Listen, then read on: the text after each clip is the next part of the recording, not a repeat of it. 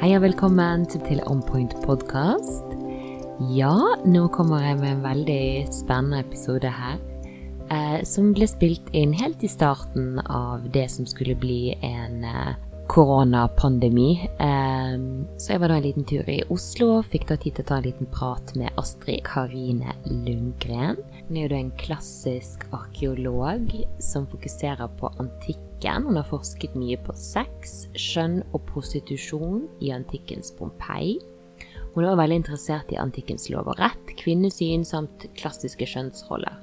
Så hovedmålet med forskningen hennes det har vært å komme inn under huden på antikkens mennesker og hvordan de forholdt seg til sex. Så eh, i denne podkasten så får vi høre litt av hennes eh, kunnskap som hun har delt bl.a. i flere foredrag. Så eh, vi snakker mer om eh, romerne og deres positive syn på sex. Vi snakker om det faktum at seksuell legning ikke fantes, og at man hadde heller ikke ord som beskrev eh, dette. da. Astrid har skrevet en veldig eh, radikal masteroppgave eh, kalt The Pastime of Venus, an archaeological investigation of male sexuality and prostitution in Pompeii. Så ja, den vakte jo kanskje litt oppstandelse, for å si det mildt. så hvis du er mer interessert i dette temaet, så kan jeg legge ved en link under her. Da. Det er jo et, et ganske utradisjonelt tema som ikke har blitt forsket så mye på fra før av, da. Ja, hvis du ikke kjenner meg fra før, så heter jeg Iselin Mork. Og ja, jeg er en kvinne med mange spesielle interesser. um, ja, eh, jeg har jo fått pratet om eh, de aller fleste på, på podden. Og ja, jeg syns det er spennende å åpne horisontene. Uh, og ja, de, det er jo flere som lytter til meg òg, som, som, kjenner kanskje meg gjennom ulike arenaer, og uh, kanskje ikke har blitt kjent med f.eks. i den italienske siden min, for jeg har jo da bodd og studert og jobbet i mange år i Italia, gjennom et helt tiår, litt til og fra i perioder. Men jeg startet da altså min italienske karriere på videregående, der jeg studerte italiensk og eh, kunst. Så via det kunstfaget så fikk jeg en sommerjobb som au pair i Roma. Og eh, da bodde jo jeg hos en kunstprofessor, så jeg eh, var jo allerede kunstinteressert, som sagt, men jeg fikk virkelig et dypt innblikk, og jeg returnerte da igjen til Det Norske Instituttet i Roma, som er under Universitetet i Oslo. Så der har jeg både studert italiensk, flere forskjellige kunstfag, og eh, ja, kanskje fordypet meg mer i Romas historie og eh, Roma som sted og symbol. Jeg har alltid vært utrolig historieinteressert. Eh, spesielt når det gjelder romersk historie. Så har jeg valgt et litt spennende tema, kanskje spesielt i disse fysiske distansetider. Vi kan jo være sosiale på nett, så jeg foretrekker å bruke det at vi holder litt fysisk avstand for å unngå smitte, da. Så da kan jo vi kanskje drømme oss litt vekk her, da. ja, vi snakker jo litt om eh, fresker her. Det er kanskje noen som har hørt om freskomaleri. Det er da fra eh, italiensk al fresco, som betyr på det friske. Så det er eh, veggmaleri på nypusset, enda fuktig murpuss, da. Så hvis du er interessert, så har jeg lagt ved link til den inn på Facebook her, da, så du kan trykke deg inn i episodebeskrivelsen og finne fram til både oppgaven og flere bilder og ressurser. Det er litt rart å sitte og snakke om, om kunst da, hvis eh, vi ikke får eh, fortsette òg, da. Så eh, klikk deg gjerne inn mens du sitter og hører på her og ta en liten titt. Eh, og ellers er vi nå da Er jo Italia i lockdown as we speak. Eh, så vi snakker jo mye om Pompeii, og jeg har jo vært der sjøl. Det er kanskje litt vanskelig å reise til Italia på, på ferie i sommer, men man kan gå inn på Facebook-sidene og få en tour. Det er jo sånn i disse dager at mange museer har jo da åpnet seg opp mer og gått digitale som eh, av andre bransjer. Når jeg var i Oslo, så var jo jeg på farten. Jeg hadde ikke med meg mitt optimale podkastutstyr, og jeg var veldig nervøs for lyden, og jeg har en litt dårlig mikrofon, men vi fokuserer på budskapet, og så um, tusen takk for at du lytter til. Så da får vi bare ønske velkommen til Astrid. Ok, velkommen Astrid. Takk. Ja, dette er en uh, samtale som jeg har gledet meg til. Vi ble jo uh, kjent på Universitetet i Oslo? Det gjorde vi. Ja. Studerte italiensk litteratur sammen, oldtidslitteratur. Mm. Ja. Fra, fra, Dante til uh, helt opp til 1700-tallets teater. Det ja. husker jeg godt. Det var, uh, det var veldig spennende. Uh, vi er jo begge italofiler. og Vil du fortelle litt om din forbindelse til Italia? Ja, jeg er jo av yrke ja, klassisk arkeolog og mm. antikkhistoriker, så min lidenskap ligger jo i klassisk oldtid. Det er jo der eh, jeg har eh, tyngden i både forskning og interesse, så mm. det er jo mm. det som er min absolutte sterkeste tilknytning til da Sør-Italia spesielt, da. Ja. Du liker vel òg italiensk mat? Det går vel litt i pizza og Jeg liker godt pizza. Jeg er glad i italiensk mat. Veldig glad i italiensk mat. Spesi spesielt i Ja, pizza kan jeg godt spise, men det er mye annet godt også. Så man har jo svigermor i Napoli som ja. lager alt mulig mellom himmel og jord, så det lider ikke noe nød på matfronten. Nei, det vil jeg tro. De er jo ganske påpasselige på det. Nei, men jeg bare tenkte, jeg har jo bare vært i Napoli én dag. Og eh, ja, eh, med en, eh, en god venninne av meg som har kommet og besøkt meg ofte når jeg bodde i Italia. Og hun var jo særs begeistret for Pompeii da, og gledet seg veldig til å, å, å, besøke det fantastiske stedet. Så det var jo litt av en tur. Og det kommer vi vel inn på litt etter hvert i praten her. Det skal vi så absolutt ja. gjøre. Hvordan kom du liksom inn på, på denne spesifikke vei? jo, det spørsmålet har jeg fått et par ganger, og det er liksom stort sett det eneste svaret som går igjen, er at eh, når man studerer klassisk arkeologi og kunsthistorie osv., så, videre, mm. så, så, så blir man veldig lite kjent med mennesker lenger ned i samfunnsklassene. Ja. Altså man får uh, et innblikk i aristokratiet, aristokratiets idealer. De aristo mm. Det er de samme stemmene som snakker hele tiden. Så jeg, i, i mitt første prosjekt om, om, mannlig prostitusjon i Pompeii, så var jeg veldig opptatt av å, å synke litt ned i, i samfunnsgruppene og, og, få et litt innblikk av hvordan de var satt sammen. Mm. Både sosialt og seksuelt. Og selvfølgelig dette her med å, å, og, ta litt avstand fra de inngrodde uh, teoriene om at det er bare kvinner, fordi kvinner har ikke noen annen måte å livnære seg på. Menn har alltid, alltid hatt andre muligheter, og menn skal ikke nedverdige seg til å innta det. Det viser at mm. dette her er jo bare sånn oppspinn fra 1800-tallet, sånn som vi sitter og gulper og tygger på enda. Vi blir ikke ferdig med det, så jeg ville jo egentlig faktisk se litt ok, hvordan var det ting fungerte mm. uh, for 2000 år siden. Ja. Og da fant man jo ganske greit ut at det var jo gjaldt jo for alle. Altså, jeg syns jo bare det, det, er kjempeinteressant, og ja eh, vi, vi, håper jo at vi mennesker lærer av historien sånn på generell basis, men det er jo, altså, det er jo interessant å se hvor, eh, ja, hvor samfunnet vårt har røtter, på en måte, og hva tradisjoner vi har tatt med oss, og hvor det egentlig stammer fra. sånn Spesielt i, i romersk historie når jeg har sett litt på det. da, eh, Og så se hvordan gjerne hedenske tradisjoner er blitt overtatt av kirken. altså Sånne her ting som man gjerne ikke reflekterer over, eller ja, altså bare ser på nå her i forhold til eh, spesifikt sex, da. Altså Og ser eh, Kanskje man tenker at eh, ja, det er jo så forskjellig alle mulige kulturer som har vært, det. Noe så mm. enkelt har blitt så komplisert.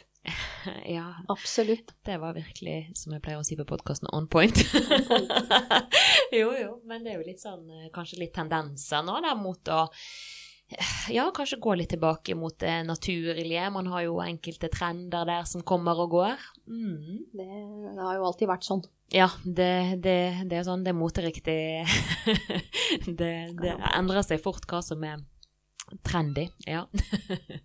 Absolutt. Jeg syns det er spennende å liksom spre litt kunnskap om historien når du sitter på så masse ressurser som er liksom litt sånn her bobler det over. Og så ja, folk har gjerne generelt litt lite, lite kunnskap, da. På, Lærer veldig mye om liksom, politikk og samfunn mm. og filosofi, og så blir man litt mindre kjent med hvordan mennesker faktisk var satt sammen. Ja. Og det har jeg vært litt opptatt med, å liksom få litt bedre kjennskap til hvordan folk reagerte på sånne relasjoner som dette. Altså mm. Det som er så naturlig for oss eh, fra ja. naturens side, da. Ja. Og litt mindre naturlig for oss når du kommer på, eh, på det sosiale politiske plan. Så da har jeg vært litt opptatt av å, å, å se litt på det, da.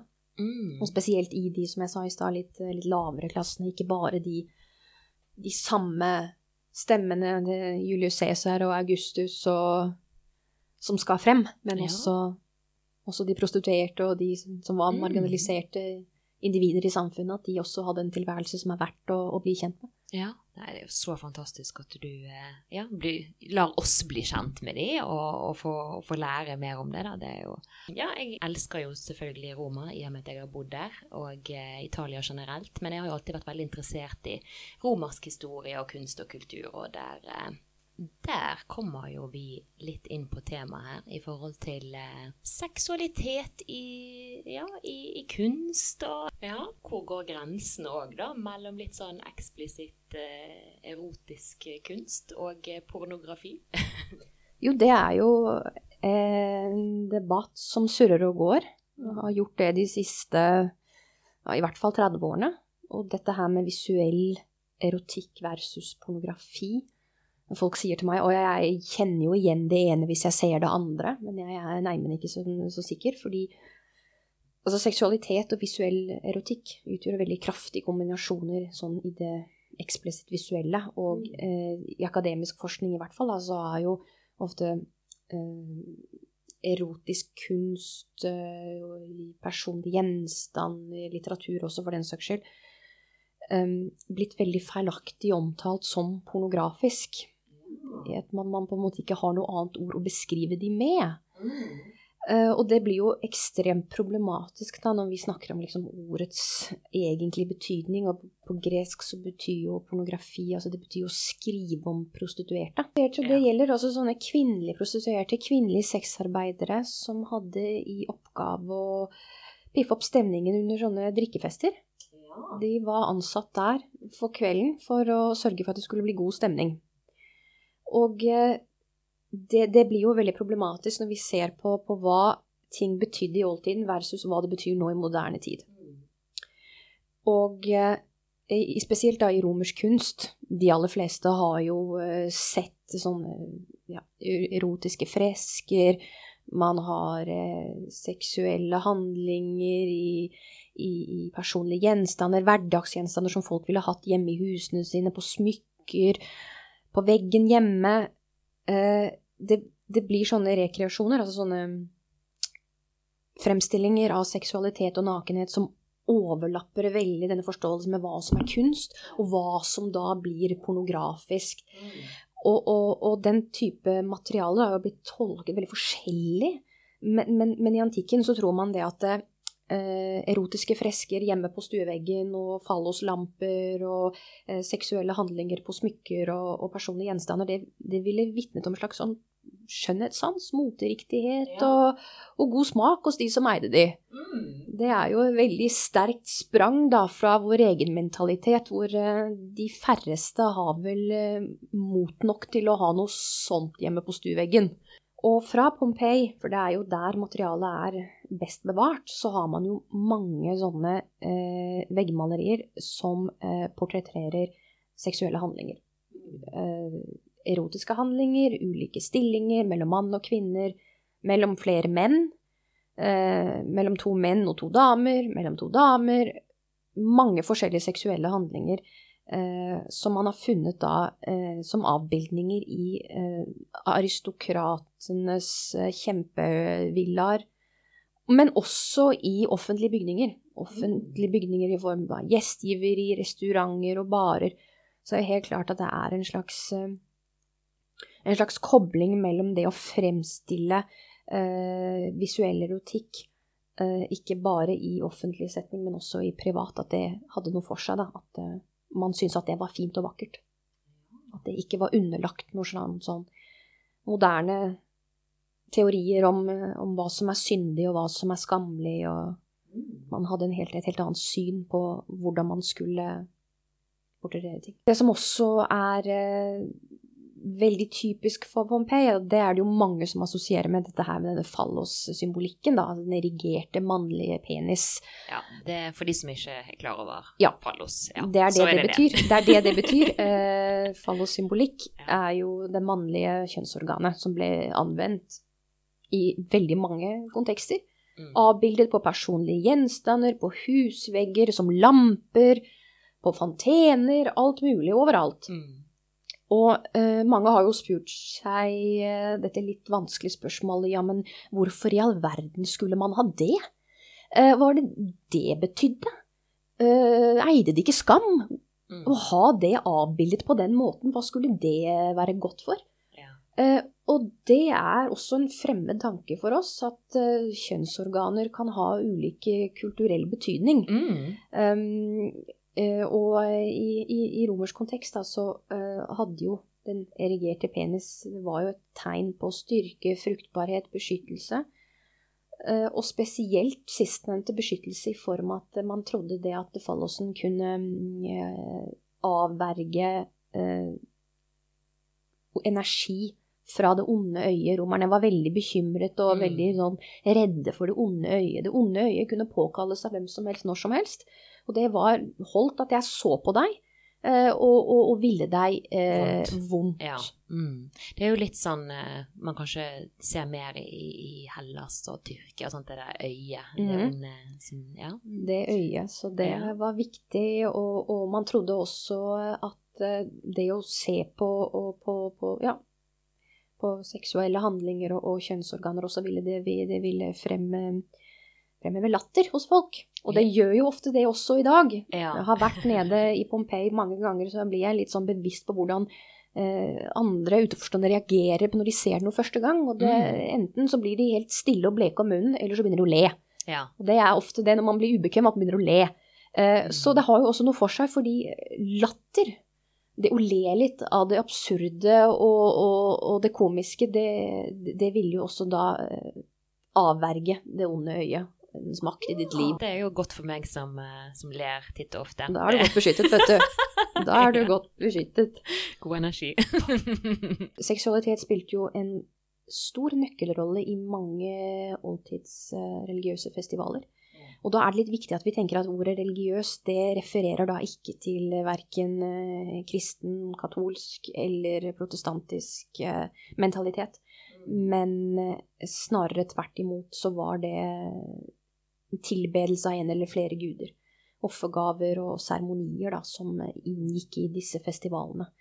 Så de var faktisk ganske komplekse, men seksualitet hadde da ulike formål. Altså. Det var ikke bare sånn at folk hadde sex der fordi at det passer slik og sånn. Det var eh, Det skulle være inkludert i en feiring med et formål. Og eh, det er jo flere av de, men noen av de viktigste, da, det er jo Den første er jo det som kalles for Saturnalia, som blir holdt til ære for jordbruksguden Saturn. Altså guden for sånn åkerbruk, hardt arbeid, orden og måtehold. Og det som var så spesielt eh, med Saturnalia, det var jo at eh, den ble feiret 17. desember og varte en uke frem til eh, 23. desember, altså midt i det som vi kaller da den verste førjulstiden. Så noen elementer kan man jo kanskje tenke seg at senere tider har liksom sett litt på, da. Eh, Men veldig sånn typisk for denne populære festivalen, for den var veldig populær, det var de, de eh, reverserte sosiale rollene. Og dette her med at man skulle oppheve de tradisjonelle normene og rollene som man hadde. Så under Saturnalia så var det sånn at slaver som, ja, som var slaver og ikke var uh, egne personer og var underlagt andres uh, vilje og uh, impulser, de skulle da eh, vartes opp og serveres av sine eiere, som da skulle innta slaveposisjonen. Og dette var jo en tid hvor man levde liksom eh, og levde mer eh, utagerende enn før. Man spiste og drakk mer enn normalt.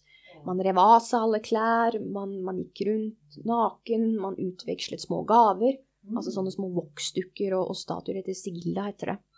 Eh, gambling var lov for alle, til og med slaver som ikke hadde lov til det ellers. Og seksual, seksuelle aktivitet da, var jo sentralt her. De inngikk som en del av drikkeorger. Eh, og det var jo hensikten her, var jo for å imitere de dyrene som ble ofret under Saturnalia, for det gjorde man jo også. Og disse kopulerte jo i fritt, uten forlegenhet, i det fri, i moder natur. Så her var jo hele, hele poenget var jo at seksuelle handlinger under Saturnalia skulle da sikre en slags fremvekst av avling, og sikre neste års mat og mm. så videre. Ja. Så eh, ja, Saturnas eh, Saturday, det er jo den eh, lørdagen er oppkalt etter eh, den, da. Så det er vel den dagen vi koser oss mest. Ja, det kan godt være. Det, er lø, lø, lørdagsgodtet. ja. ja, så. Nei, men det er jo litt sånn eh, jeg tenker på fra, fra romersk historie. Sant? Det var jo der veldig mye sånn fråtsing, altså disse festivalene med, med, både mat og drikke, og som du sier, orgier òg. Altså, sant? Man eh, ja, vi som uh, har nå iallfall litt innsikt i det, vi kjenner jo til at ja, det er jo mye der som Veldig mye av vår kultur. Det er jo Roma er jo Hatt stor innvirkning på senere sivilisasjon, absolutt. Mm. Det var jo viktig å være med på sånne feiringer. Ikke bare gjorde, ga det på en måte et avbrekk fra liksom dagliglivets ja. kjipe realitet, men, men, det var jo også for å dyrke gudene og for å anerkjenne liksom naturens grep på menneskeheten, mm. uansett. Um, og en annen festival da, som var svært populær i, i, i Roma, det var jo dette som for, kalles for uh, Lupercalia, som ble feiret 15. Eh. Nesten Sankt Valentin. Mm. Til ære for skogsguden Faunus, som beskyttet dyrket mark og, og husdyr. Eh, denne feiringen var litt spesiell, Eh, fordi den ble innledet med ofring av to geiter og en hund. Ja. Ikke noe særlig seksuelt erotisk over det, men etterpå så var det slik at Faunus sine prester, fordi hver og en gud hadde liksom sitt sett med presteskap, mm. de såkalte luperki, de, de ikledde seg ulveskinn, og så løp de rundt i byene og slo folk, spesielt kvinner, med sånne oppstrimlede geiteremser. Ja. Eh, og målet var da å vekke jorden til nytt liv igjen. Og avverge sterilitet hos begge kjønn og oppmuntre til seksuelle handlinger, slik at det da kunne fødes flere barn. Og selvfølgelig da potensielle fremtidige skattebetalere. Det var jo også viktig å få med. Eh, så den seksuelle praksisen her da, under denne festivalen det var jo veldig forbundet og knyttet opp til fertilitet og disse offentlige nattorgiene. Da, de symboliserte liksom en forlengelse av de hellige seremonielle ritualene til ære for Faunus. Så her er det veldig knyttet til dette med natursyklus og mm, Sånn på våren, ja. alt skal begynne å gå, og man ja. må passe på avlingen. Men uh, det er jo uh, Du sa jo, uh, mente jo her, og hva, hva, var definisjonen på disse orgiene? Det var jo litt Ja, en orgie i oldtiden, det er jo mer enn seks personer må være involvert. Mm. Så alt under blir da ikke definert som en orgie, men alt over blir jo det. Ja. ja. Og dette var jo òg, disse festivalene var jo statlig eh, ja, betalt av staten? Ja, var jo, mm. de var jo statlig organisert. Eh, ja. Og selvfølgelig var det jo mange private aktører som også ville være med på eh, ja. moroa. Eh, sikre seg stemmer, sikre seg velvilje hos folket. Det var jo sånn man ble valgt som politiker i oldtiden. Det var jo rett og slett hardcore smisking med de som kunne stemme på deg. Der var det ikke noen sånn midler på hva som ikke var lov til å ty til eller ikke. Mm. Så mange sånne festivaler, og ikke minst sånne leker og gladiatorkamper og andre sånne karnevalfestival-type ting, mm. var jo private aktører som sto bak, i håp om at de skulle da høste stemmer og ha en slags velvilje i ja. Dette er jo sånne ting som fortsatt foregår. Altså Det har jo blitt avslørt i dag òg, men òg i det skjulte. Sant? Det er ikke så mye som har endret seg, da, bare at der var det litt mer åpenlyst. og svært åpenlyst. ja. Man bygde svære teater og, og, badekomplekser for å hevde seg blant vanlige Så det var kanskje sponset da òg av, eh, av, andre? Mm. Mm, så det er viktig. Ja. Men så du sier det er jo dette her med at det var jo så ja, trasige liv. Sant? Det var mye sykdom, og det var mye korte liv, og det å liksom eh... Døden var overalt. Lurte ja. i hvert, hvert gatehjørne. Så en annen festival som man hadde, det var jo den beryktede Baccanalia. Og det var jo ja. til ære for Bacchus, altså mm. vinguden Dionysos på gresk, ikke sant, som var gud for vin og ekstase, seksuell frihet, fruktbarhet og teater. Min favoritt. Ja, dette her er jo kun sånne nattlige seremonier, da, Ja. som fant sted enten 16. eller 17. mars. Og det har noe med når fjorårets drueavling var omgjort til ferdig drikkbar vin. Mm. Da kunne man sette i gang med bacchanalia. Og, og man er fremdeles faktisk ganske usikker på hva som helt konkret skjedde under denne festivalen. Men eh, antikke kilder de forteller at dette her var en festival, en festival som var stort sett sentralisert rundt beruselse og seksuelle handlinger. Mm.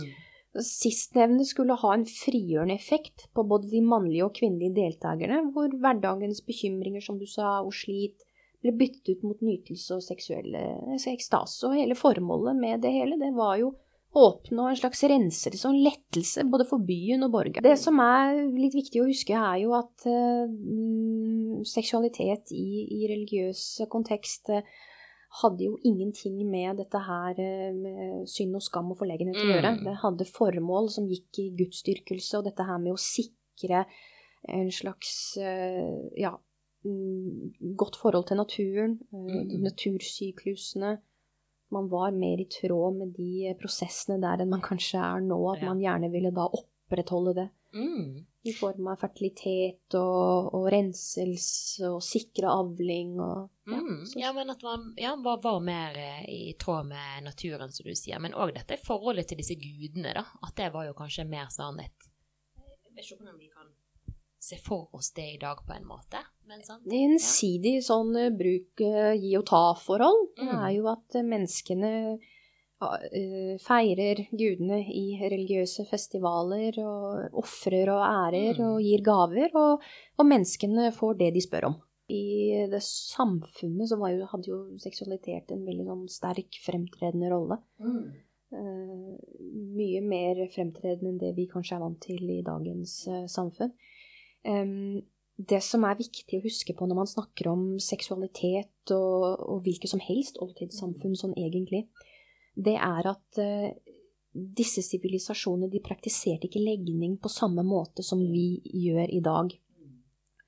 Eller sorterte folk etter seksuelle preferanser, eh, kategorier som går spesifikt inn på hva slags seksuelle handlinger man foretrekker, og hvordan partner skal være. Man hadde ikke sånne ord, sånn som heteroseksuell, biseksuell eller homoseksuell. Man var bare seksuell. ja, alle disse, Ja. disse, disse kategoriene som, som vi nå har, for, må forholde oss til, og som da gir en indikasjon på, på ikke bare på hvordan du er sånn seksuelt, men også liksom ja, hva slags bakgrunn du har, og hvordan du er som person. Det blir Mm. veldig knyttet opp mot, mot liksom din personlige identitet, og det hadde man jo ikke, ikke før. Nei. Da var det helt andre premisser som, eh, som gjaldt. Mm. I stedet så hadde man et seksualsyn som var basert mer på en aktiv, altså en penetrerende del, versus en passiv, mottagende del. Mm. Og disse rollene de gjenspeilte også individers sosiale status, alder, økonomiske forutsetninger, juridisk sivilstand osv. Alle de der. Mm. Så eh, det som folk ofte spør meg om, da, hvordan var det før? Ja. Var de romerne sånn som oss? Tenkte de sånn som oss? Det kan jeg jo ikke si at de gjorde. Det var jo Samfunnet var veldig annerledes. Mm. Og det som er kanskje den sterkeste kontrasten til vårt eget, da, det er jo dette her med at det romerske samfunnet uansett var jo et patriarkalsk og favoriserte maskulinitet, uansett om vi syns at det er urettferdig eller ikke. Ja. Så var det sånn. Eh, frifødte mannlige borgere, eh, de hadde det aktive hovedansvaret for samfunnet. Og at samfunnet skulle gå på skinner, altså enten gjennom politiske embeter, Mm. administrative verv, og eh, militære stillinger. Det var frifødte menn som hadde ansvaret for at samfunnet gikk fremover. Eh, og disse forventningene knyttet til å være en frifødt mann, det ser man jo også gjenspeiles i den romerske forståelsen av mannlig seksualitet. Ja. Eh, og det første som forbindes veldig med, med, med mannlig seksualitet da, i, i Romerriket, det er jo dette her med pater familias. Yes. Og det er en- et uttrykk som man på en måte ikke helt kommer unna når man skal snakke om mannlig seksualitet. Og det er rett og slett eh, mannlig familieoverhode. Mm. Eldst gjenlevende mannlig familieoverhode. Refererer ikke så veldig mye til det vi ville kalt som pappa eller far eller noe sånt. Det er liksom familiens eldste mannlige overhode. Ja. Eh, som da har ubegrenset med autoritet overfor ektefeller, barn, og ugifte familiemedlemmer og selvfølgelig da slaver. Som Mm. lever innenfor husstanden. Og eh, dette her med ansvar for samfunnet og ansvar for kjernefamilien og ansvar for liksom uh, De som levde under deg, da. De, det ser man jo veldig i det seksuelle. Um, at menn skulle opptre som en dominerende part i seksuelle relasjoner. For de hadde de dominerende ansvar i det offentlige Ja. og i det private. Og Ja. det skulle da også gjelde innenfor den, ja, i den seksuelle sfæren, da. Um, og det gjorde at eh, alle andre, da, som ikke var assosiert med et ledende samfunnsansvar, det var kvinner, eh, mannlige medlemmer av underklassen, for eh, Romerriket hadde jo prestert veldig sånn strengt klasseregime. Mm. Unggutter, slaver og prostituerte av begge kjønn, de måtte da eh, underkaste seg. Og de inntok den passive, deltakende rollen. Eh, og når man sier det på den måten som jeg har sagt det nå, så kan det virke som at, som at mannlige borgere hadde veldig, veldig stor seksuell frihet. da. Mye større enn andre samfunnsgrupper, og liksom kunne gjøre akkurat hva de ville uten å tenke på noen ting. Og i teorien så, så var det jo sånn Mm. at, eh, at man hadde mer seksuell makt. Man kunne inngå seksuelle relasjoner til begge kjønn uten at de ble liksom sett på som moralsk stigmatiserende eller bød på noe særlig juridiske konsekvenser. Eh, Og dette her kan virke veldig fremmed for oss. En sånn seksuell kutyme, det kan virke både skremmende og litt sånn sjokkerende på mange. Men det må ikke forveksles med at Romerriket ikke hadde noen slags regler eller noen slags normer, eller ikke hadde liksom noen slags form for sedelighetslover. Og, det, Ja. og det, det stemmer ikke. Nei. Fordi eh, strupem, altså det som er, vi kaller for sedelighetsforbrytelser, Mm. mot frifødte, gifte eller enker spesielt, da, Mm. det, det kunne man faktisk bli svært hardt straffet for hvis man ble funnet skyldig i noe sånt noe. Ja. Så alt fra bøter, kroppslige avstraffelser, henrettelse Til og med, det var helt avhengig av, eh, av handlingens alvorlighetsgrad, da, som Mm. avgjorde eh, hvis, hvordan man skulle straffes etter at man hadde begått sånne sedelighetsforbrytelser. Og eh, når man er inne på litt sånn som er litt skremmende og, og litt fremmed for oss, så er det jo dette her med Mange spør meg om fantes det homoseksualitet i oldtiden. Og det vil jeg si gjorde det, ja. men ikke slik vi definerer det per nå. Nei. For det første så hadde man jo ikke noe ord som, bes som beskrev uh, slike relasjoner, Mm. Uh, men man hadde samkjønnslige relasjoner mellom menn. Eh, men det må ikke blandes med vår forståelse av homofili eh, og homoseksualitet. Eh, mye tyder på at romersk praksis for samkjønnslige relasjoner var basert på, på greske idealer. Og dette gikk jo selvfølgelig da ut på at greske mannlige borgere har lik sosial status, men med en ganske betydelig aldersforskjell, Mm. inngikk et sånt svermerisk vennskap hvor utdanning av den yngre delen i både samfunn og politikk og filosofi var hele poenget med slike forhold. Ja. Det er jo veldig interessant. Ja. Det er svært komplekst, fordi Mm. det, det var veldig strenge regler for hvordan slike relasjoner skulle være, og hva de skulle være bygget på.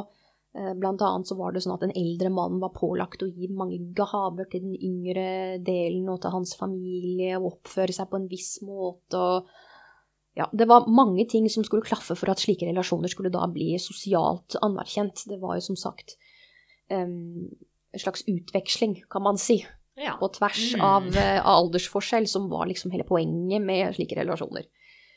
Og det blir jo veldig um, interessant når man ser på romerske holdninger til slike relasjoner, for de er litt Ja. annerledes. Det er ikke sånn at, eh, at romerne hadde adoptert dette her med at menn av lik sosial status kunne inngå slike relasjoner. Her var det betraktelig strengere regler som gjaldt.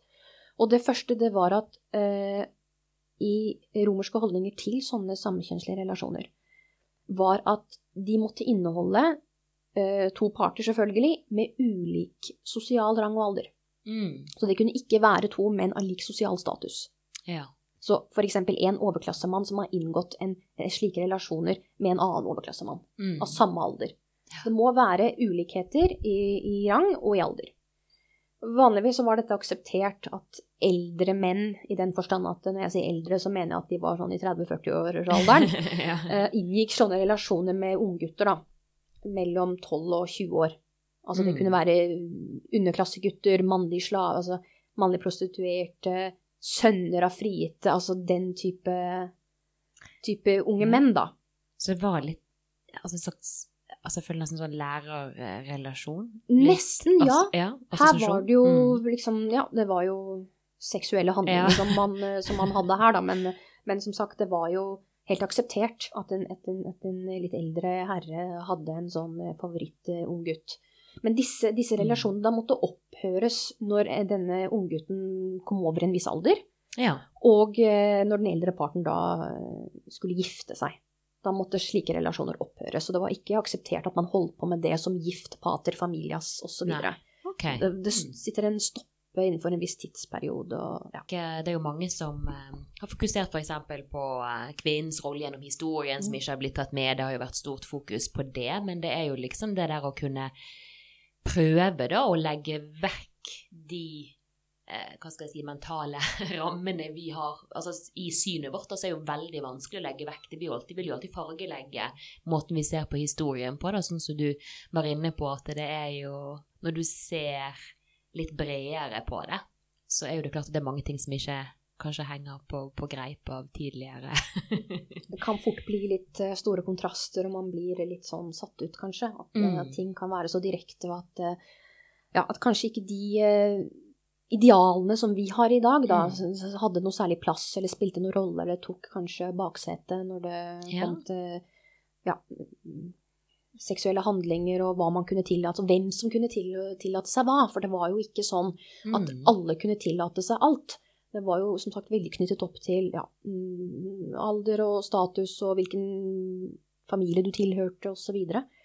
Men jeg tenkte jo òg på dette her med Så du sier at mange spør om det, sant, det var vanlig med homofile relasjoner. Det var jo ganske vanlig blant romerske keisere og hadde jo liksom svære orgier og Ja, den, den som er kanskje mest kjent for å ha ja, mange sånne skapader, det er jo Tiberius. Han hadde jo en sånn lite, eller ganske lite og lite, du. Eh, ganske stort sånn forlystelsespalass ute på, eh, på Capri der.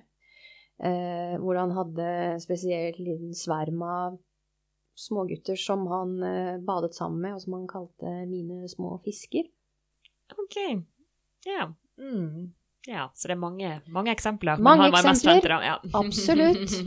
ja, men bare for å understreke liksom mm. at det var jo Svært vanlig. Ja. Mm. men eh, ja, jeg vet ikke om eh, Nå har jo vi Har du snakket vært mye prat om menn. Ja. Mye prat om menn. Nå er vi nysgjerrig på kvinnenes eh, Ja, rolle det oppi er dette her. viktig, for Ja. samfunnet var jo stort og besto jo av, av, av mange forskjellige mennesker. Mm. Em, dette her med romerske kvinner og deres rolle i samfunnet, det har jo vært veldig, det har vært veldig sånn hotspot i, i, i akademisk forskning lenge, altså siden 60-70-tallet, hvor man hele tida har prøvd å finne ok, eh, hvilken rolle var det kvinner spilte innenfor ja, samfunn, Mm. religion, privat osv. Og em, enten eh, de tilhørte da aristokratiet eller var liksom definert som vanlige folk, så er det veldig viktig å skille på dette her med frifødt og frigitt og slaver. ikke sant? Det er Ja. tre forskjellige kategorier. Men uansett så er det jo helt klart at vi har jo for lite kunnskap om, om, om romerske kvinner. Det er en Mm. veldig kompleks sammensatt samfunnsklasse hvor det har vært store kulturelle og regionale forskjeller. ikke sant? Så i tidligere forskning så har man tatt det veldig for gitt at romerske kvinner og kvinner i hovedstaden Roma under keisertiden har lenge gått for å være liksom normen, det har gått for å være det samme. Mm. Og det, det blir jo veldig vanskelig. Um, når man ser på eh, senere tider at eh, kvinners status har vært svært varierende, rett og slett. At man likevel så, så har man vært veldig opptatt av å understreke at, eh, at det, romerske samfunnet var veldig mannsdominert, at kvinner hadde ikke noen rolle, at de var undertrykt, at det ikke var greit, og alt det der. Men det, det er veldig viktig å, å, prøve å ta av seg de brillene og, og, prøve å ikke si de samme ordene der, men å heller tenke at i oldtidssamfunn så var det slik at kvinner hadde ikke noe plass i det offentlige. Mm. De skulle ikke være der. Eh, og det hadde ikke noe med at eh, de var kvinner og slik og sånn, men det var helt, helt eh, absurd at, at, kvinner skulle ha eh, retten til å stemme, at de skulle stille til valg, at de skulle ha statlige stillinger osv. Um, og det er så viktig at vi ikke forveksler det som vi da ville kalt for ekskludering da, av kvinner. Mm. Uh, at vi ikke forveksler det med uh, våre demokratiske verdier om, om likeverd og kjønnsbalanse osv. Uh, fordi at uh, det romerske offentlige politiske liv, det var forbeholdt menn, hvor kvinner ikke hadde noe plass. Akkurat som det fantes lukkede kulturreligiøse samlinger hvor menn ikke skulle være. ikke sant? Så det var veldig tydelig eh, markert ut hvor eh, da man ikke skulle trå inn mm. som mann og kvinne. Og det er veldig viktig å tenke på. Eh, fordi det er liksom nettopp dette kvinnesynet her som former da forståelsen av, av romersk seksualitet for kvinner. Og eh, i det romerske samfunnet så mente man, og når man sier mann, så mener man da eh, det romerske overklasse eh, mannsdominerte mannsgruppa. Ja. Eh, Eh, så mente rett og slett det at kvinnelig seksualitet var en sånn sterk og farlig drivkraft. Noe mm. mye farligere enn på en måte menns utagerende seksuelle tilnærmelse til begge kjønn. Og kvinner og deres liksom impulsive råskap og irrasjonelle natur, ikke sant, den måtte, det kunne raskt liksom danne en slags trussel mot det velordnede romerstaten. Ja. Og hvis ikke kvinnelig lyst ble holdt i, i sjakk, kontrollert av menn, Eh, men det forandrer seg veldig når man tenker på at, eh, at, eh, at kvinner hadde forskjellig status.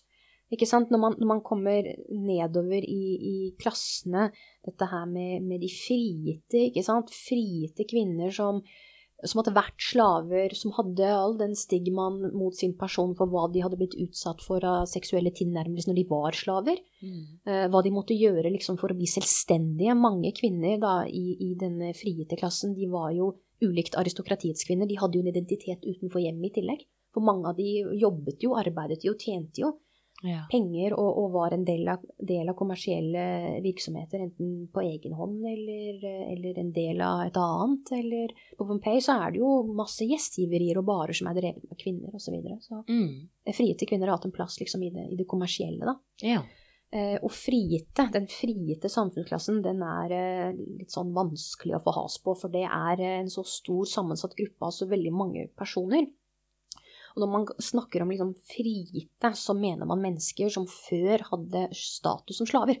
Du har blitt ja. frigitt. Mm. Altså enten det er en litt sånn romantisk tanke om å bli frigitt, og så leve liksom et fint og prydig liv etterpå, men utfordringene hadde da etter en frifinnelse hadde jo egentlig sånn rett og slett bare begynt. For som mm. slave så sto du jo under da andres makt og, og andres omsorg i den forstand, men når du da var frigitt, så var du liksom litt på egen hånd. Ja. Eh, og det, det, kunne jo være en utfordring, bare det i seg selv. Så når man skulle frigi noen, så var det jo det at enten så kunne jo eierne selv frigi sine slaver, mm. eller så var dette her gjennom et testament, altså juridisk. Ja. Eh, og selv om frigitte da hadde krav på liksom statsborgerskap og noen rettigheter, og de barna som de da eh, fikk, de mm. fikk jo status som frifødt.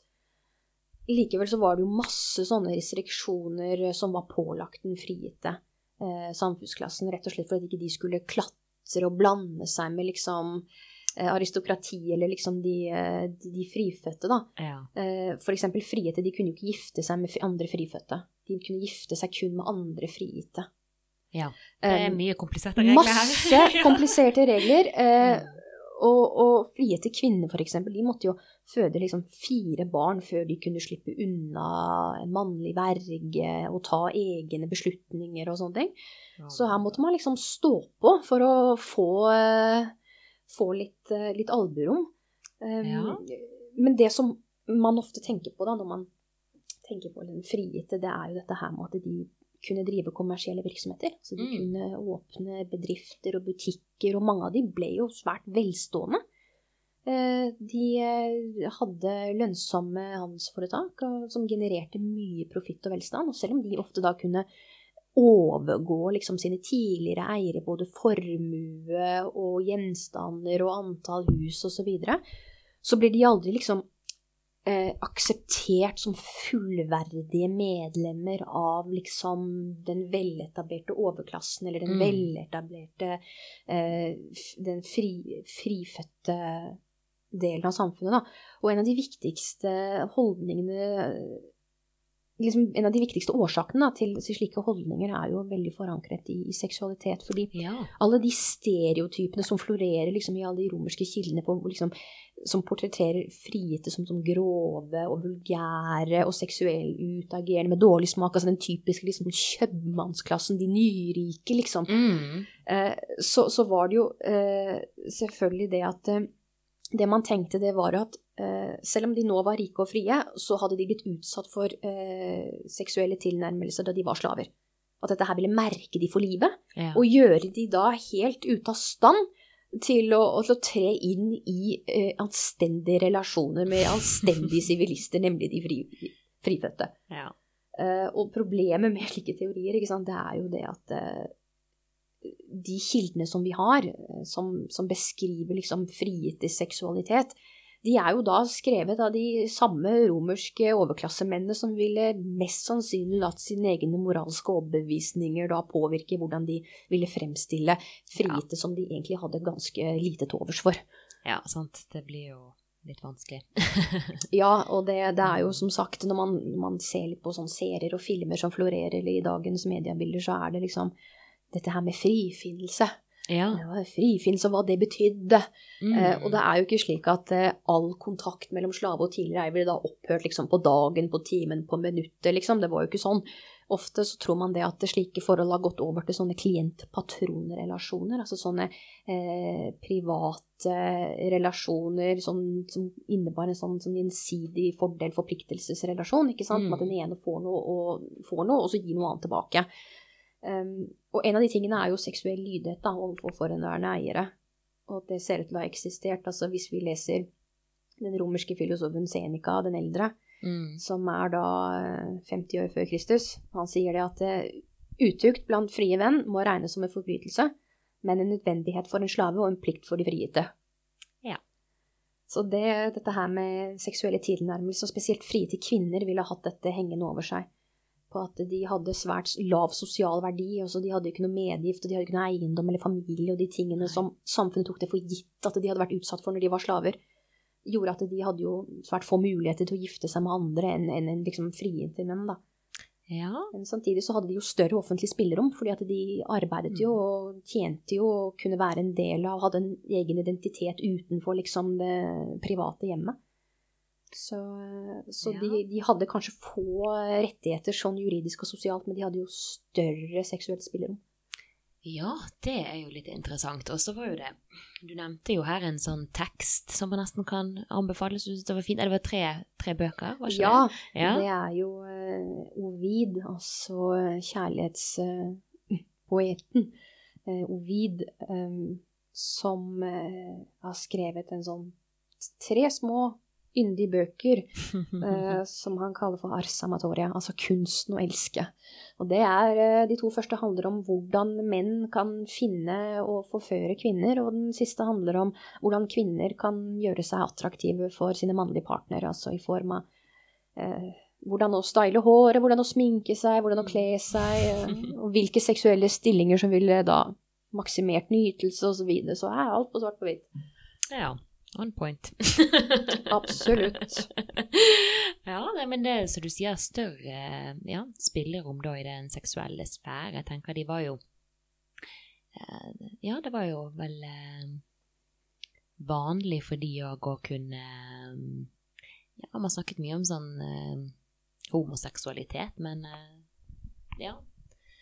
Det var jo ikke bare de frigitte som hadde litt mer seksuelt spillerom, det var jo de menneskene som på en måte ikke hadde noe eh, sosial, politisk, økonomisk betydning for staten. Det var ingen Mm. som brydde seg om hva de Nei. gjorde, ikke sant. Mm. Eh, så det gjorde jo at de mm, kanskje har levd litt, litt friere sånn i det seksuelle. Og det samme gjelder jo for skuespillere. Altså Skuespillere var jo enten omreiser, de var utlendinger, de var jo ikke sånn veldig høyt ansett i samfunnet. De Mm. tok jo på seg masker og opptredde nakne osv. Samme gjelder jo gladiatorer. Folk har veldig sånn romantisk blikk på gladiatorer, men det er eh, Gladiatorer de var jo nesten uten unntak slaver. Ja. Og de har en slags sånn merkelig status i det romerske samfunnet. Liksom på den ene siden så blir de liksom idealisert av, skues, Mm. altså av tilskuerne. De er nesten som idrettsstjerner i dag, ikke sant? Ja. Eh, Men på den andre siden så, så, så ser man det at eh, gladiatorer ble jo regnet mer som et objekt enn et menneske. ja. Eh, Kampen i arenaen, ikke sant? de symboliserte denne nedverdelsen samt en sånn påminnelse av gladiatorenes sånn bunnoteringer i samfunnet. Så der er en veldig sånn merkelig sånn eh, Ja. todelt status, altså. Det er jo veldig altså, de, var jo, de var vel i kategorien slaver. Var de samme kategori som skuespillerne og de prostituerte? Ja. ja. Mm. De kaltes for infames, altså de samfunnets bunnslam, liksom. Sånn. Absolutt. Jeg var jo litt inne på det her i, i en episode her med eh, om, eh, om teater, da, og eh, intimitet med en eh, amerikansk skuespillerregissør, Jeff Peterson, og det sant, Jeg har jo studert teaterhistorien som, som skuespiller òg, og liksom eh, Ja, vi kom litt inn på det, at eh, det er litt sånn av historisk perspektiv, det der å selge sjelen sin og kroppen sin, som du sier, opptre naken og masker, det er liksom sånn Ja, det er litt uh, sett på som Ja, sett litt ned på, da. Mm. Det at man liksom tar på seg en annen identitet. Ja, bare det. Mm. Det er jo det som mest sannsynlig har vært litt uh, stigmatiserende, da. Mm. Og det, det var jo ikke bare de det gjaldt. Det var jo også eh, prostituerte av begge kjønn var jo akkurat på like eh, statuslinje som det der. Ja. Så eh, det kommer vi litt til Mm. litt senere. Så man går liksom nedover i rangstigene her på at man ser at man har Hvem som har samfunnsansvar og samfunnsnytte, er de som dominerer seksuelt. Og så går man liksom nedover derfra. Ok. Eh, og det ser man jo, det blir jo veldig liksom, tydelig når man går inn på dette her med, med slaveri. Eh, uansett om vi liker det eller ikke, så eh, var slaveri helt nødvendig for at det romerske samfunnet skulle gå rundt i det hele tatt. Mm. Så slaveri var så integrert i alle aspekter i, i, i det romerske samfunnet at ja, jeg tror ikke de kunne sett for seg uten.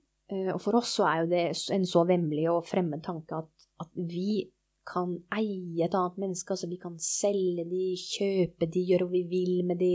Mm. Og man blir veldig sånn eh, kanskje litt fanget i de, i de egne fordommene som vi har på at det er utelukket tvang og tortur og, og, og fysiske avstraffelser som man eh, sitter med når man tenker på dette her med slaveri. Eh, men, men det som er litt viktig å, å tenke på, er at ja, slaver var gjenstander av ulik salgsverdi. Mm. Eh, og de kom fra de områdene som romerne hadde erobret, så de var liksom krigsbytte. Eh, Men samtidig så er det viktig å huske på at slaver eh, de kunne også være svært godt utdannet. Ja. Altså Hvis de kom fra type Hellas eller Egypt, og de kunne være huslærere, de var leger, de var selvfølgelig da tjenestefolk som tok seg av grovarbeid og arbeidet i salggruver og sånne ting, men de Mm. kunne også være da sekretærer, ammer osv. ja. Det er liksom som du nevnte òg, at, det- at det er liksom å kjøpe seg en, en slave Det var liksom kanskje å kjøpe seg en, en, en ny veske? Ja, nesten sånn som du vil skal vare lenge. Ja, akkurat. Det er noe var med det, så det er Mm. litt viktig å tenke på at uansett um, Uansett om hva slags kjønn, om det var mann eller kvinne eller alder, så var de jo helt uten juridiske rettigheter, disse slavene. Ja. Uh, og de, de var jo helt avhengig av beskyttelse uh, på alle måter.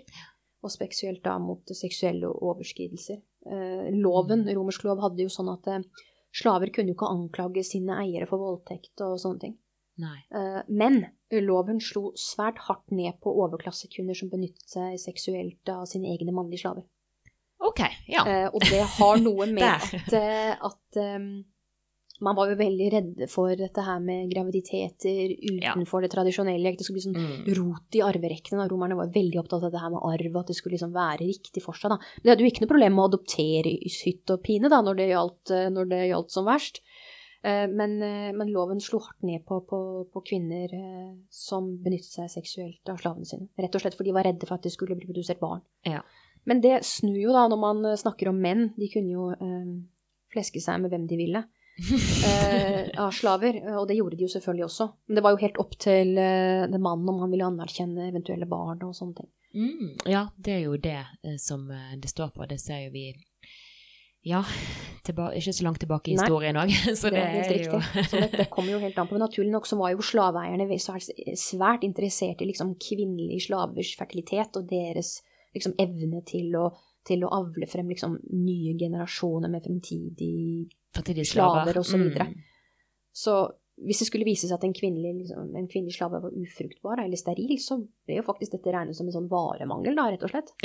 Og, og kjøperne kunne jo rett å kreve pengene tilbake. Ja. Så det var jo Returrett. absolutt. Eh, så det, slaver hadde jo De kunne jo liksom ikke gifte seg. Slaveekteskap er jo ikke godkjent. Og all, alle barn som ble født mellom slik sånne eier- og slaverelasjoner, de fikk automatisk morsstatus. De fikk mm. aldri farsstatus, men morsstatus. Ja. Og det var jo rett og slett for å hindre at det skulle, som jeg sa i sted, at det skulle bli rot i, i de der ektefødte ja. arverekkene, og at det skulle bli ja, tull i testamentet, da. Mm. Det romerske samfunnet var helt avhengig av slaveri. Uansett. Sånn var det.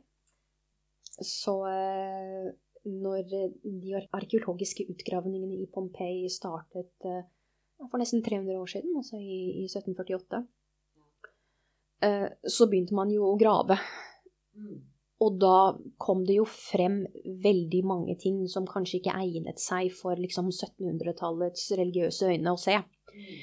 Eh, og det var jo da eh, mange objekter og, og eh, kunstneriske verk da, som inneholdt veldig sånn sterke seksuelle scener. Så derpå ble man jo ganske redd, og det har jo dessverre gjort at eh, mye har blitt ødelagt. Det har grodd frem masse rare teorier om hvordan liksom, folk i denne oldtidsbyen hvordan de var satt sammen seksuelt, og at de var sånn eh, Eide ikke moral og, og uh, var helt uh, gått seg helt vill i sin egen lyst. Og man hadde alle disse fordommene som kom inn. Og det har preget uh, forskningen på dette her med prostitusjon i Pompeii ganske kraftig. Ja. hvor man har vært veldig opptatt av å bevise liksom, hvor sterkt sexhandel i Pompeii har vært. Mm. At man mm. går liksom litt bort fra Man glemmer kanskje litt på hva som er, mm, hva som er mulig. Mm. Hva som er økonomisk lønnsomt, og hvordan, hvordan, hvordan dette her faktisk kan gå i hop. Ja. Eh, fordi eh, altså Man sier jo at prostitusjon er jo liksom verdens eldste yrke. Det er jo ikke det. Bærplukker er jo verdens eldste yrke. Sånn er det bare. La oss bare få det ja. klart. Ja. Eh, og man snakker ikke om at dette er et yrke i det hele tatt. Eh, fordi i handel med sex så har jo all sin pris, ikke sant. Mm. Og det er eh, økonomisk motivert uansett. Man kan legge fra seg alt med hva som er riktig, og at man ikke må utnytte, og at man har en verdi i seg selv som menneske. Det kan man bare legge fra seg på mm på dørmatta her og nå hvis man, når man skal tre inn i dette her med å jobbe med prostitusjon i en oldtidsby som Pompeii. Eh, fordi hvis ikke så blir det litt mye, om jeg kan si det, som folk bruker det uttrykket nå i dag. Det blir litt mye å forholde seg til. Ja. For det blir veldig sterkt, og det er mm. veldig tydelig. Uh, og det som er, det er at uh, i tidligere undersøkelser av sexhandel i Pompeii, uh, så blir vi konfrontert med en mentalitet til dette her med prostitusjon som er Som utfordrer veldig våre, våre grunnleggende verdier, altså. Mm. Hvor, hvor det, det, de ideene som vi har om hva som er riktig og hva som er galt, og hva som klassifiseres som utnyttelse og hva som er nedverdigende, de, de, de gjelder jo ikke. Så da må man liksom prøve å se ok, eh, hvordan var det sexhandel i Pompeii fungerte? Og, og, det kan man jo kanskje se er at alle sånne moderne syn på rettigheter, likhet for loven og menneskerettigheter, mm. uh, de gjaldt ikke. Uh, og da, når man, når man, tar vekk de helt fundamentale forståelsene av hva som er hva, så blir det litt vanskelig. Når man ikke gjør det, og er veldig opptatt på å bevise liksom her var det så mange bordeller, og disse menneskene var jo helt sexgale og det greiene der. Mm. Når man liksom er litt ferdig med det, så går man over på liksom sammenligne bordellvirksomhet i oldtiden med liksom bordellvirksomhet i Europa under industriell revolusjon eller 1800-tallets Victoria. At man begynner å finne sånne sammenligninger. Man skal liksom prøve å sette det inn i noe som man forstår. Ja. Og Mm. det går jo ikke. Um, fordi eh, man kan ikke definere dette her som en sånn grusom utnyttelse, som jeg sa i stad, av sårbare mennesker. Eh, fordi eh, disse som var involvert i sexhandelen, de var ikke klassifisert som mennesker, de var en vare. En Ja. res, en vare. Det er kjempevanskelig for oss å ta inn, inn, inn, innover oss, fordi vi ser på dette her som en sånn salg av mennesker, og, og, og det er helt forferdelig, og vi går litt sånn Vi går litt vill i våre egne fordommer, for vi Mm. har litt liten kunnskap om på en måte eh, hvordan samfunnet egentlig forholder seg til disse menneskene. Ja, sant. Vi, Og det, det, det vi glemmer, ikke sant, det som vi har snakket om nå en stund nå, det er jo det at antikken så var jo mennesker delt opp i klasser og status. mm. Og at de som var involvert i prostitusjon, i sexhandel osv., de hadde lav eller ingen sosial verdi, sånn som jeg sa i stad. Mm. Altså de som sto bak det, det er det jo ingen som egentlig vet hvem. Altså sånne som vi kaller det halliker. På latin så kalles de for leno. Mm. Og det er jo eh, altså mennesker som er totalt ignorert av samfunnet.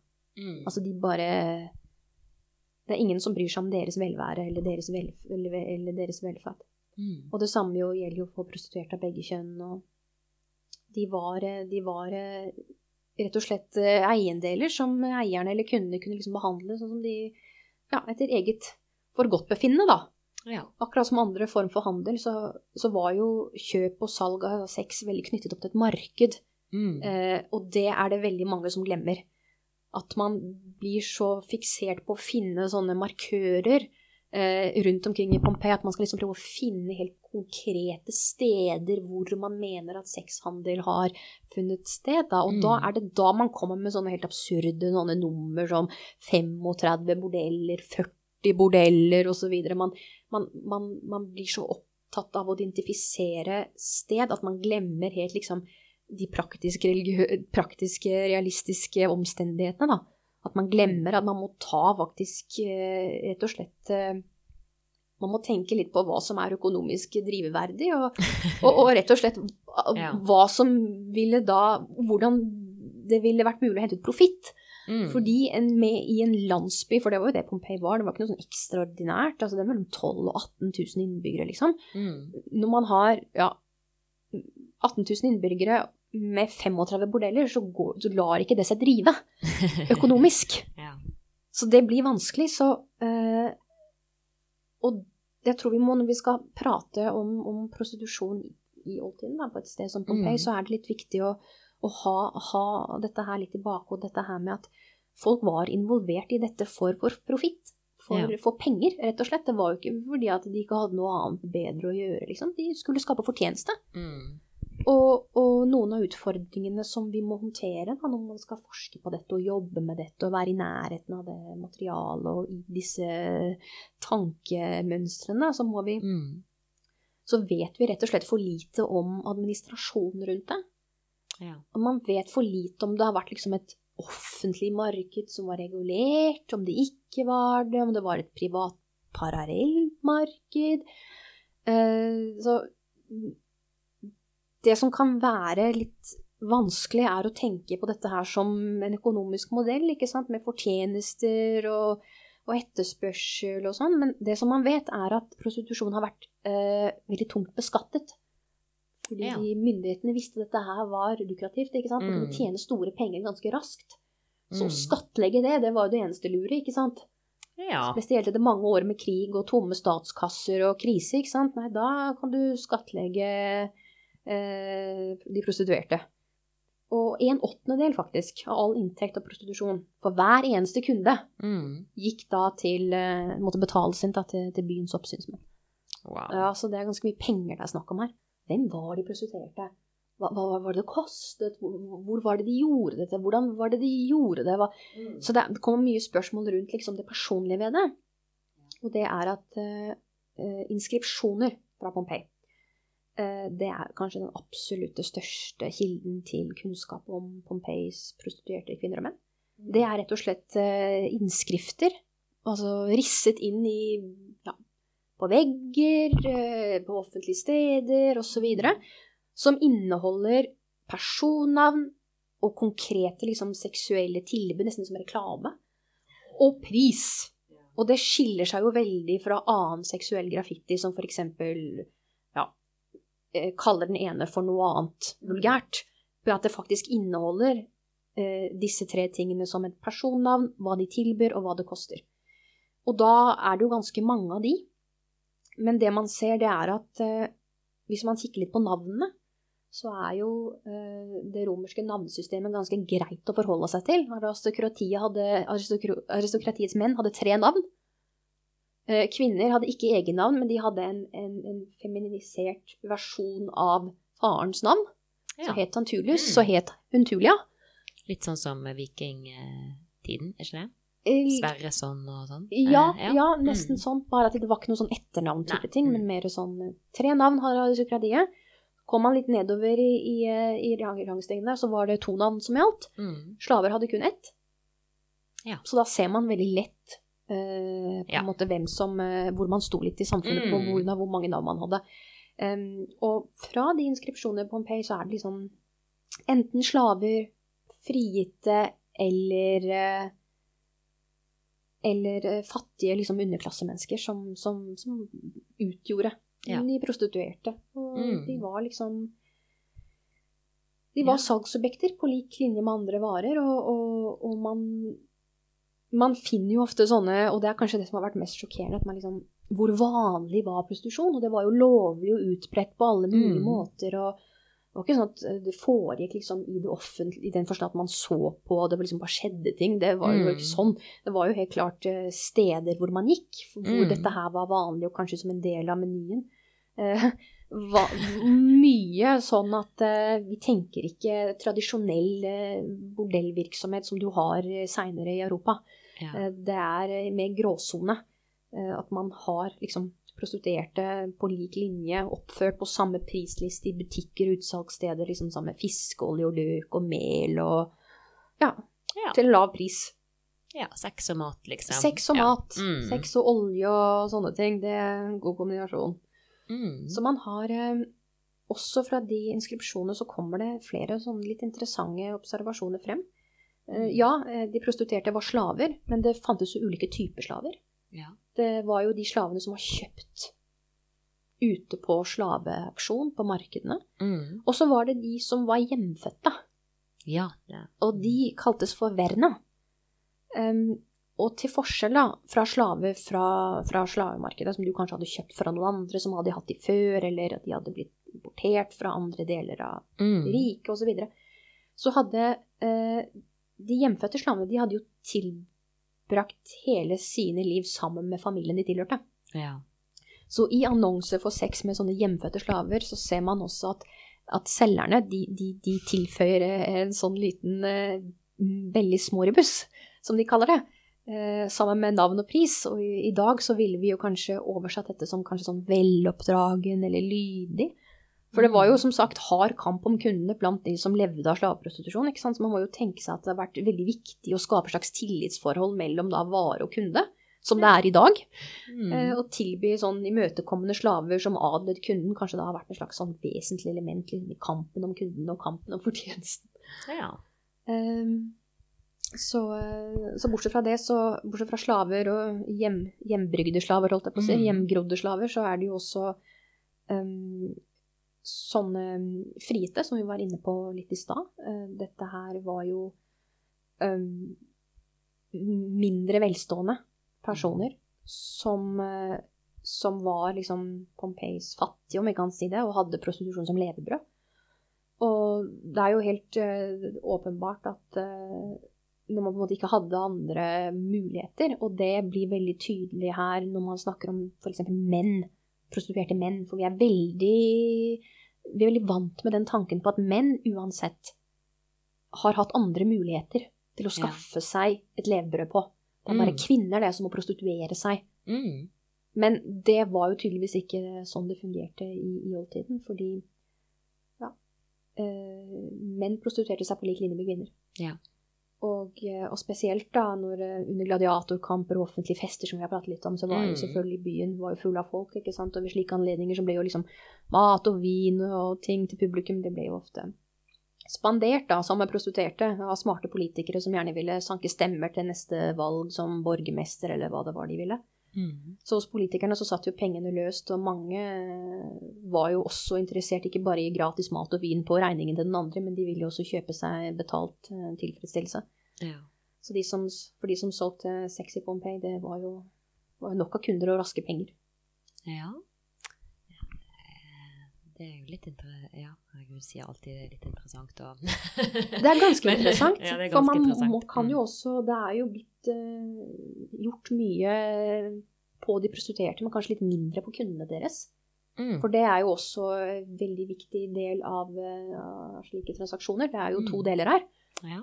Uh, og altså kundene som oppsøkte disse stedene, dette ene bordellet som man har i Pompeii, for det er mm. bare ett som kan kvalifiseres som et bordell, som er bygd med formål på ja. at her skal det foregå sexsalg. De andre er sånn litt sånn i gråsone. Mm. Ofte der hvor det har vært gambling, mat og drikke, gjestgiveri, utleier, altså sånne kontekster hvor det har vært mat og drikke i omsving og, og, og sånn, da. Ja. Overnatting. Um, men, men um, kundene, hvem var de? Det var jo både kvinner og menn som tilhørte underklassen, som benyttet seg av de prostituerte. Mm. Og eh, hvis man ser igjen på disse inskripsjonene som jeg har vært litt inne på, da, som annonserer for sex, så forteller jo de om at det var liksom alle typer sex var, var liksom tilgjengelig. Ja. Men enkelte av disse inskripsjonene de, jo, de, retter seg jo helt spesifikt mot kvinner eller menn, eller begge deler, eller at de spesialiserer mm. seg på noen eh, type seksuelle handlinger. Uh, og det er jo liksom rimelig å tenke på når vi også ser på grunnen til at liksom velstående aristokrater sant, med huset fulle av slaver og, og, det ene med det andre, at de liksom de skulle dra ut og betale for noen andre når de kunne få det gratis hjemme hos seg selv uten å betale. Mm. Så det betyr nok det at eh, liksom, behovet for å oppsøke liksom, byens vertshus og sånne ting har jo vært veldig sånn, unødig for overklassen, for de har jo de har jo sånne ting hjemme, gående ja. hjemme hos seg selv. ja. Så, eh, så det er jo ja. mest sannsynlig liksom kvinner og menn i underklassen som igjen som ingen brydde seg noe særlig om hva de mm. gjorde, som oppsøkte prostituerte. Ja. Det er jo litt sånn jeg var i Pompeii og var innom dette her bordellet og så Det ser jo ikke så veldig sånn innbydende ut. Det ser jo ganske sånn, eh, hva skal man kalle det, veldig enkelt og Ikke sant. Det er jo uh, ja. noe med det. det, er, mm. det, det den bygningen har jo fått veldig mye oppmerksomhet. Um, det er en, en, veldig spesiell bygning. Den er sånn sekskantet. Det fins ikke maken i hele Pompeii i, i, arkitekturen. Så det er uh, to innganger. Én uh, hvor man går inn, og en annen hvor man går ut. Man går ikke inn og ut av samme inngang. Mm. Vinduene sitter høyt oppe på, på veggene. Det er mm. ikke mulighet til å, å sikre seg noe sånn gratis uh, kikking av de som eh, beholder seg utenfor. Uh, inne så er det seks uh, sånne celler, sånne bitte små rom, mm. hvor alle har en sånn Det ser ut som en sånn senglignende plattform, mm. hvor da, da, man ville hatt en sånn madrass eller noen puter av noe slag. Mm. Og så er det en overetasje hvor eh, det er eh, tilsvarende seks små rom. Så er det en veranda rundt hele. Eh, men over hver av de små rommene så er det jo sånne dekorerte erotiske fresker, ikke sant. De er jo litt lavere kvalitet enn det man finner i sånne aristokrat, aristokratiske hjem, overklassens mm. hjem. Men det er jo fordi at man skal hele tida prøve å selge en fantasi assosiert med liksom overklassemiljø og overklassehjem og det greiene der, mm. for å liksom dekke litt over den litt kjipe realiteten som faktisk rådde der inne. Ja. Sånn som man kan jo forestille seg lukt og lyder og ja. Ikke sant. Lukten mm. av altså, I og med at dette her var et offentlig, litt billig drevent sted, så kan du jo tenke deg at folk fyrte jo med dyreolje, med fett, liksom. Og lukten av det, det er jo det man hadde. Man hadde ikke olje, men sånn dyrefett som man hadde en sånn kve i, og så satte man lys på det. Altså lukten av det og sånne berusede, svette mennesker, og, og, lyden av folk som krangler, og noen som ja. gråter, og, og, og, den flasker som knuser, brutale oppsynsmenn, mm. kunder som klager og skriker fordi de er blitt lurt Altså hele det greiene der. Yeah. Den realiteten som eksisterer mm. innenfor disse grå uh, murpussveggene, versus det man liksom prøver å selge her, er ganske stor, altså. Ja, det Herregud. Nei, men dette var jo bare så interessant, og eh, ja, lære litt mer om det. Og ja, kanskje det er flere som får lyst til å ta turen til Pompeii og Ja, det, det, må de bare gjøre. Altså en tur der og kjenne litt mm. på, på den menneskelige tilstedeværelsen. Den er veldig sterk ja. på det stedet. Nei, men tusen, tusen takk. Bare hyggelig. Grazie mille.